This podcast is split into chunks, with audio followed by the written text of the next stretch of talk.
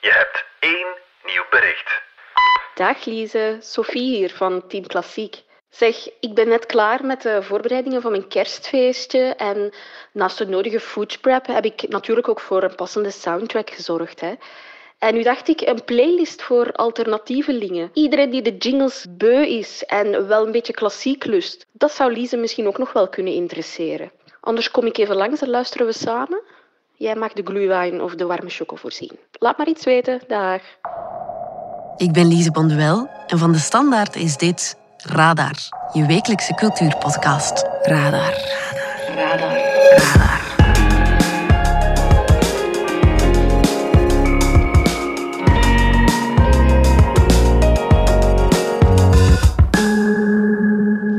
Sommige mensen houden ervan, anderen gruwelen al bij de eerste noot.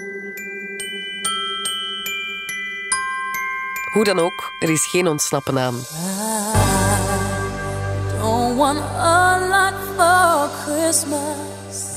There is just one thing I need. Op de kerstmarkt, in de supermarkt of op de playlist met kerstavond, Mariah Carey zal aanwezig zijn. I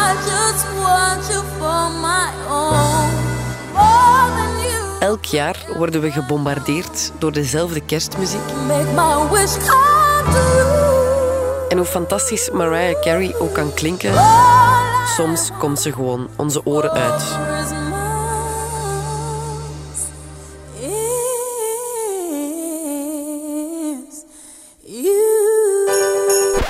Maar wat zet je dan wel op op kerstavond?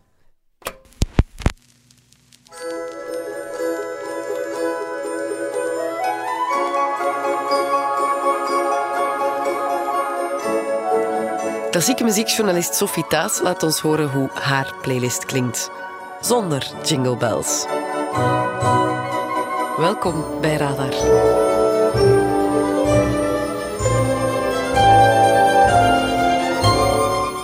Dag Sophie, jij komt jouw alternatieve playlist voor deze avond uit de doeken doen. Ben je dan geen fan van de Queen of Christmas, Mariah Carey? Ja, ik, ik voel wel een affiniteit met Mariah, vooral wat Ja? het haar schoenencollectie eh, betreft. maar niet? net iets minder met deze, ja, met deze alomtegenwoordige kersthit van haar. hè. En heb je wel iets met klassiekers als Jingle Bells? Jingle Bells is nu misschien ook niet het meest deugdelijke voorbeeld dat je kan eh, noemen van wat ik een kerstsong of een kerstlied zou eh, durven te noemen. Dashing through the snow Het heeft een beetje een, een donkere geschiedenis, hè? Oei. een tweeslachtige geschiedenis. Vandaag doet het ons denken aan gezelligheid en joligheid en sleeën met een glasje gluwijn erbij. En maar, kroketten. Ja, inderdaad, inderdaad. Maar ja, de geschiedenis ziet er toch enigszins anders uit. Hè? Het is een lied uit midden 19e eeuw, geschreven door een componist die thuis hoort in de categorie 12 stielen, 13 ongelukken, zal ik maar zeggen. Een man die constant geld nodig had en dan ternauwernood een kerstsong in elkaar heeft geflanst om wat geld op de rekening te kunnen zetten. Door allerlei snippertjes en stukjes van bestaande liederen bij elkaar te mixen. Alive! It's alive!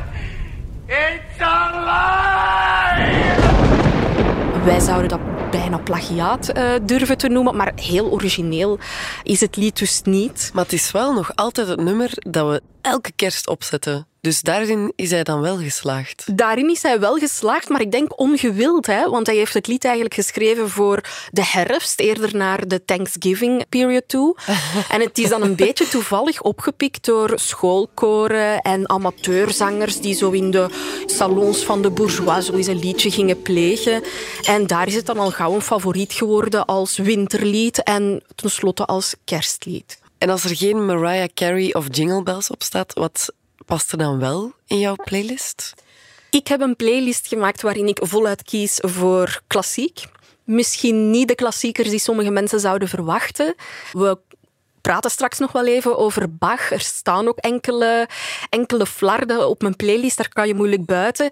Anderzijds ben ik dan weer voorbij gegaan aan de Messiah van Handel.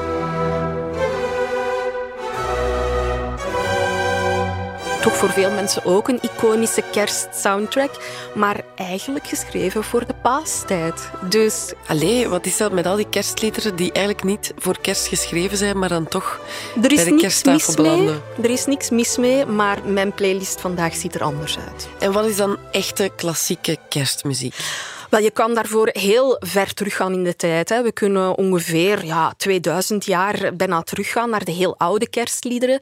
En ik denk dat de vroegste voorbeelden, die moeten we eigenlijk in de heidense context gaan zoeken. Hè. Toen mensen rond de winterzonne eh, liederen zongen rond het donker dat verjaagd zal worden door het licht. Hè. Een nieuw jaar dat aanbreekt, een nieuw seizoen dat er hopelijk staat aan te komen. En daar hebben we wel enkele hele, hele oude voorbeelden van, die dikwijls een lang leven gekend hebben als volksliedjes. Een tweede repertoire dat ontstaat eigenlijk al in de vroege middeleeuwen, hè, net na de erkenning van het eh, christendom als een, een godsdienst die je vrij mocht beleven. Dat zijn religieuze liederen, soms in de volkstaal, soms nog in het Latijn, die heel vaak ook tot op vandaag gekend zijn. Bijvoorbeeld in Dulci Jubilo, dat zegt je misschien wel iets.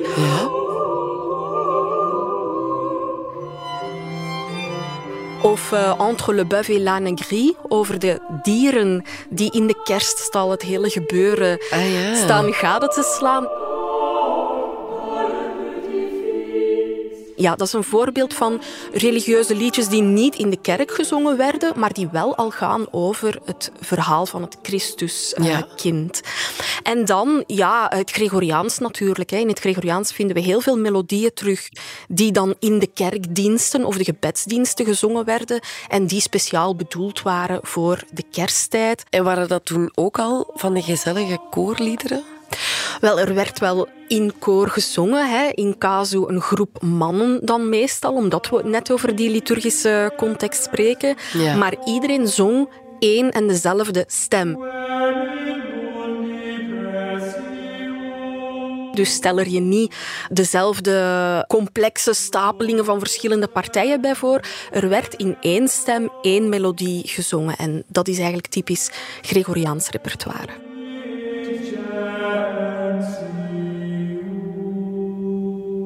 En waren dat dan ook hits in die tijd? Wel, hits in de zin van waren er bepaalde melodieën populairder dan andere, zeker en vast.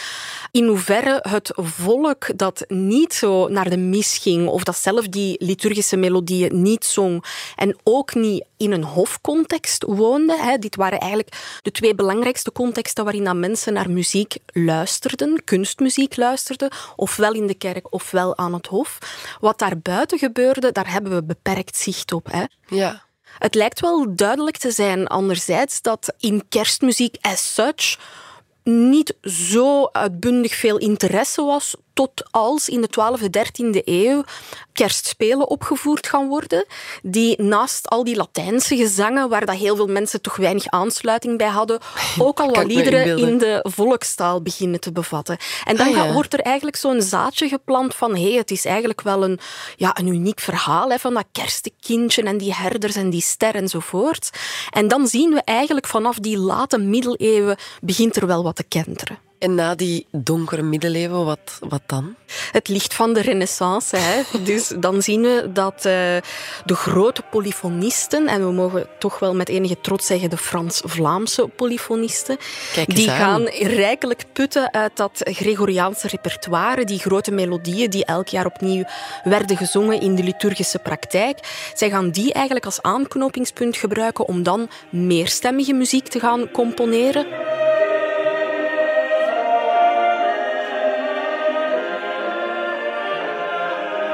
Aanvankelijk nog met een beperkt aantal stemmen, hè, vier stemmen, soms wel eens vijf. Kerstmis was een heel belangrijke feestdag, dus eh, van, vanaf het moment dat er ook in zes, zeven, acht en meer stemmen gecomponeerd wordt, is het vaak feestelijke muziek voor de kerst. Ja. En ik heb er eentje uitgekozen die me heel na aan het hart ligt. Zeg eens. Wel, onze laatste generatie van grote Frans-Vlaamse polyfonisten, dat is de vijfde generatie, daar hebben we toch echt als topspeler Orlandus Lassus, een man die die over heel Europa bekend en gevierd was.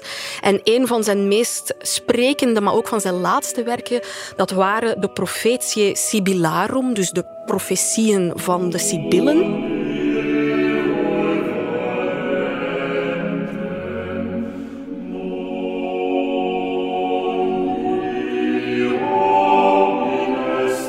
Als je daar naar luistert, dat is soms heel bizarre muziek, heel chromatisch, klinkt een beetje uh, onverwacht.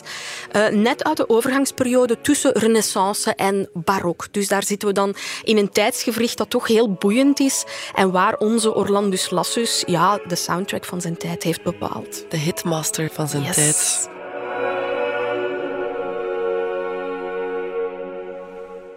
En wat waren dan de trends in de barok, dus vanaf de 17e eeuw? Wel, vanaf de barok zien we dat drie belangrijke genres, die ja, het hele jaar door uiteraard gebezigd worden, toch ook met een specifieke Christmas flavor worden ingevuld. Voor vocale, vocaal-instrumentale muziek zijn dat het oratorium en de kantaten. Heel ver van elkaar verwijderd zijn die twee genres niet. Het zijn nogal behoorlijk grote constellaties van verschillende onderdelen, waarbij je recitatieven hebt, je hebt koorgedeelten, je hebt aria's, dus af en toe komt er ook een solist aan het woord. Nu, we zouden misschien ook kunnen zeggen dat een oratorium vaak meer actie en meer drama bevat en een, kan, ja, een kantate iets meer bespiegelend is. Ja. En nu schuiven natuurlijk heel wat luisteraars op het puntje van hun stoel, want dit is waar het Weihnachtsoratorium van eh, Bach uiteraard ten tonele komt.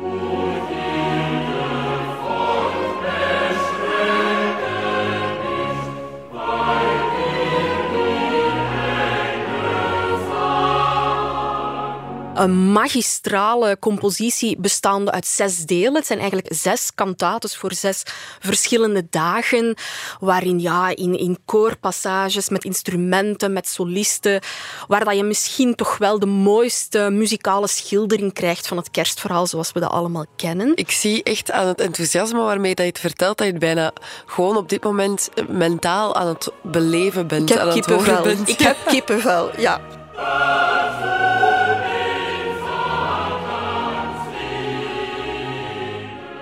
En dan had hij nog die andere trend in die tijd, het concerto. En wat moet ik me daarbij inbeelden? Wel, dat is dan puur instrumentaal, dus daar komen dan Ah, ja. geen stemmen eh, aan te pas. En concerto heeft niet meteen iets te maken met publieke concerten of zo, dus eh, heeft eerder te maken met de manier van musiceren. Het concerteren betekent het tegenover elkaar plaatsen of het naast elkaar plaatsen van verschillende groepen van muzikanten. Elkaar wat uitdagen. Ja, ja, dat was dus een grote trend algemeen in de muziek van de barok. En we zien dat een aantal componisten toch ja, het visionaire idee hebben gehad om, zelfs als ze geen letterlijk narratief konden uitdrukken doorheen een tekst, om toch concerti te schrijven die bedoeld waren voor kerstmis. Of zoals bijvoorbeeld onze vriend Arcangelo Corelli het zegt, fatto per la notte di Natale. speciaal gemaakt voor Kerstnacht. Een van zijn twaalf concerti grossi.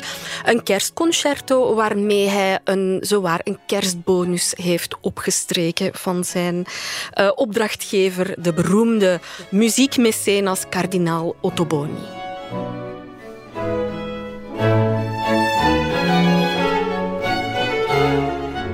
En dus als al die grote componisten mee waren, dan was de grote kersttrend vertrokken. Hè? Ja, die stopt dan eigenlijk niet meer. Hè. Tot, eh, tot bij Mariah, zou ik durven zeggen. Luisterden mensen dan ook thuis naar die kerstmuziek of was dat toch vooral in een kerkelijke sfeer? Wel ja, tot de 18e eeuw, laat ons zeggen, speelt het muzikale leven, en zeker het kunstmuzikale leven, zich vooral af in de kerk of aan het hof. Ja. We hebben heel weinig informatie over wat mensen thuis zongen en speelden.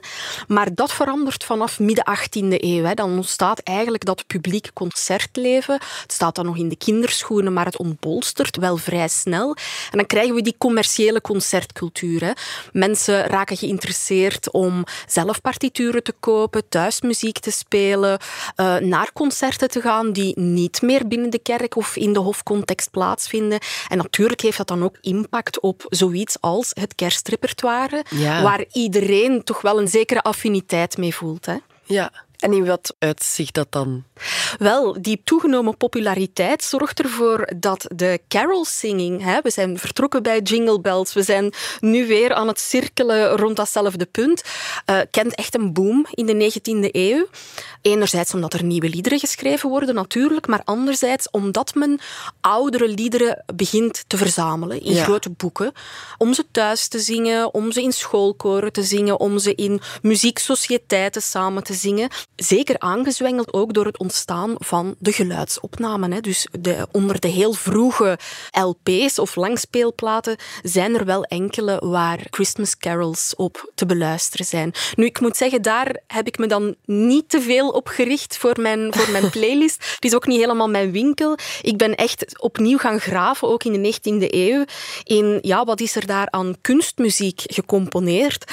En daar ben ik ja, bij een aantal favorieten van mij uitgekomen. Onder andere Camille Saint-Saëns. Dat is iemand dat je misschien niet meteen zou associëren met kerstmuziek. Een van de grote toppers van de Belle Époque. Maar hij heeft ook als uh, een snaakje van 23, uh, eh, geloof ik, heeft hij een kerstoratorium geschreven, waarin hij heel specifiek en heel expliciet verwijst eigenlijk naar Bach. Ook plagiaat. Of niet? Uh, laat ons zeggen een, een muzikaal eerbetoon. Hè?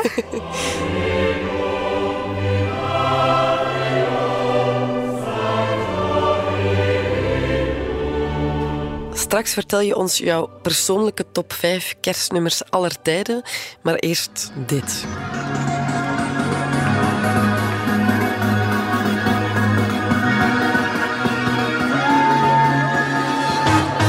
Ik sta op de dansvloer helemaal van voor. Ik zie de DJ's. Ik zie mijn vrienden links en rechts van mij. Ik voel euforie. Ik voel de muziek. Ik voel de liefde van de mensen rondom mij. En ik voel heel veel liefde voor hen. Ik dans. Ik dans. Ik dans met mijn hand over mijn beker. Ik voel mij niet op mijn gemak. Ik ben iedereen de hele tijd aan het screenen. Wie er voor mij en achter mij staat. Ik heb het gevoel dat ik mezelf aan het inhouden ben in wie ik ben.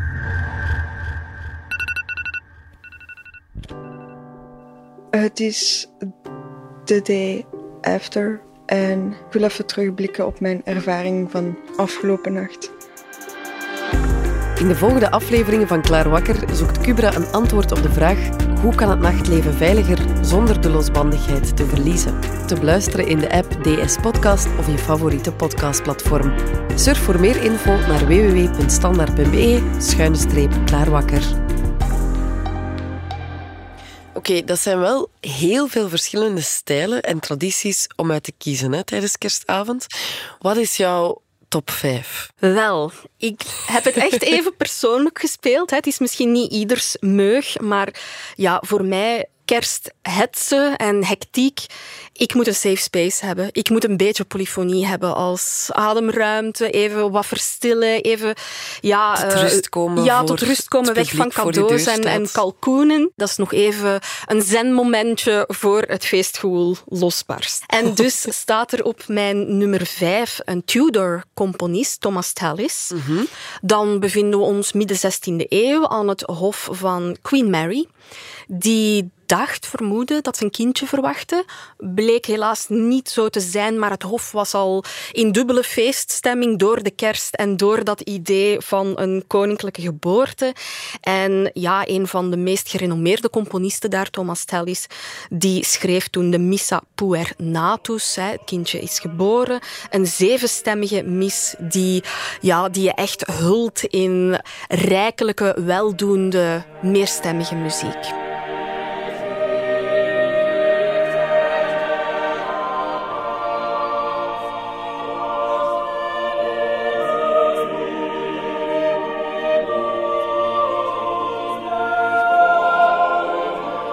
Is tot in de kleinste details uitgecomponeerd op zo'n manier dat in dit geval zeven stemmen die allemaal evenwaardig zijn, perfect samen klinken. Dus je kunt die uit elkaar trekken. Elke partij zal op zichzelf staan. Iedereen krijgt dezelfde verantwoordelijkheid in het geheel. En toch, als je die stapelt op de een of andere manier, klinken die harmonieus samen.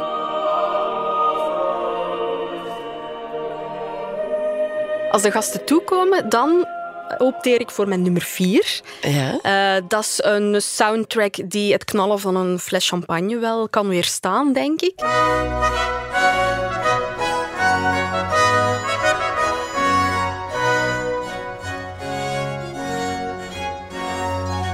Die heb ik uit de barok gehaald, waar uh, de muziek niet alleen drijft op drama, maar ook op contrasten. En dat gaat heel duidelijk zijn voor wie luistert naar deze Sonata Natalis van ene Pavel Jozef Vijvanovsky. Dat is helemaal oké als je nog nooit van hem gehoord hebt. Hè. Het is een Moravische componist. Daar gaan we het meestal niet meteen zoeken in de barok. Maar daar had de bisschop van Olomouc een hof in Italiaanse renaissance-stijl, waar ook een zeer degelijk uitgebouwde muziekkapel, dus een muziekensemble, actief was. En deze Vijvanovsky was een van de toonaangevende figuren in dat ensemble. Het moet een onwaarschijnlijk goede trompetist geweest zijn. Ik las ergens dat hij tonen en geluiden uit zijn natuurtrompet wist te halen die bijna natuurwetenschappelijk onverklaarbaar zijn. Wauw. En je gaat een beetje uh, de weerklank daarvan horen in deze sonata, die als het ware de trompet opvoert in een hoofdrol.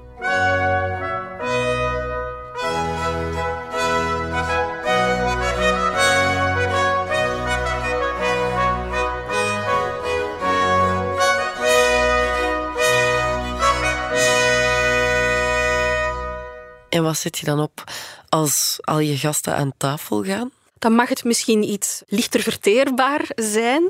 en daar heb ik gekozen voor een crowdpleaser, hè, voor een publieksfavoriet, namelijk die Nutcracker van Tchaikovsky. Maar dan net ietsje anders, hè, afgekruid door Duke Ellington.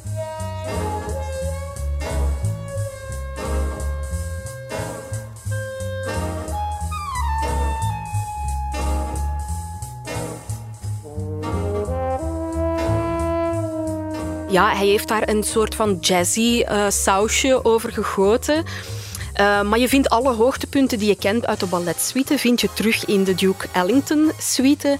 En ik heb gekozen voor de beroemde bloemenwals, hè, die natuurlijk heel anders dan anders klinkt in Duke's versie. Hij noemt het trouwens The Dance of the Floriadores.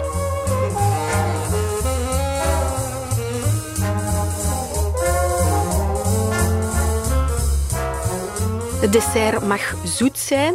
We begeven ons ondertussen naar de salon, waar we ons terugtrekken om de avond op een hoge noot te beëindigen.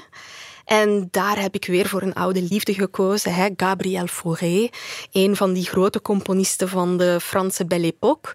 Het mocht ook al een beetje intimistischer, vond ik, het later op de avond. En daarvoor heb ik dan de melodie Noël gekozen uit zijn opus 43.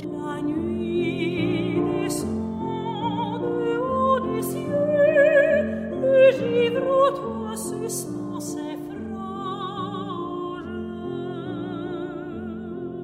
Ik vond toevallig dat de tekst van de hand is van een Belg, Victor Wilder, een man uit Wetteren, die midden 19e eeuw naar Parijs verhuisde. En hij heeft een toch wel geslaagde dichterlijke evocatie gemaakt van dat kerstverhaal. Alle ingrediënten, herdertjes en sterren en uh, beestjes in de stal, die zitten erin. Maar dan zeer, zeer, zeer elegant. En je gaat horen dat Foreda ook weer op onafvolgbare wijze in een, uh, een muzikaal equivalent weet om te zetten. En wat is jouw ultieme nummer 1 om de avond mee af te sluiten? Wel, mijn ultieme nummer 1, dat is een hoopje uh, traditionele oude Nederlandstalige kerstgezangen. Hoe kan Herodes licht verdragen? Dat een briljant klassiek sausje heeft gekregen dankzij de grote Ton Koopman. Je bent erover aan het vertellen alsof het zelfs een uh, zelf samengesteld gerecht Dat is het ook een beetje. Dat is. het ook een beetje. We krijgen hier liederen met een barok kleedje, die zeker niet origineel zo zijn overgeleverd vanuit de 17e of 18e eeuw, maar die zo ja, getuned zijn, versierd zijn door de grote Ton Koopman, een van onze voormannen, een van onze vlaggedragers van de oude muziekbeweging. Hij is natuurlijk een Nederlands monument, nu nog altijd actief met zijn Amsterdam Baroque Orchestra, dat in feite zijn roots kent in het ensemble dat op deze plaat heeft gespeeld.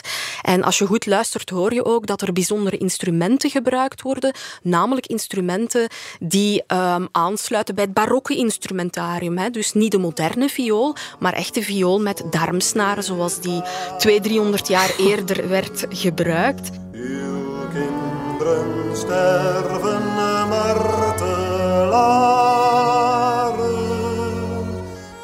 Liederen die ik op de playlist heb gezet zijn dan mijn twee absolute eh, lievelingstracks. De Kerstnacht schoner dan de dagen, een liedje op tekst van Joost van de Vondel. En À la Berline Postillon, en dat is een bederliedje voor drie koningen, omdat het niet altijd nieuwjaarkezoete moet zijn. Wij komen van oosten, wij komen van ver. Maar in de Postillon, wij zijn er drie koningen met een ster. Sophie merci voor jouw alternatieve klassiek kerstplaylist. Je kan hem trouwens zelf ook thuis beluisteren, want hij staat op het Spotify-profiel van de Standaard. En heel fijne feesten. Dankjewel, dankjewel. Met veel plezier. Gij sterren, gij moet er zo stil niet staan. Postillon. En ik heb hier nog een extra cultuurtip voor jou. Radar. De tip komt deze week van... Vele van den Bos, cultuurredacteur.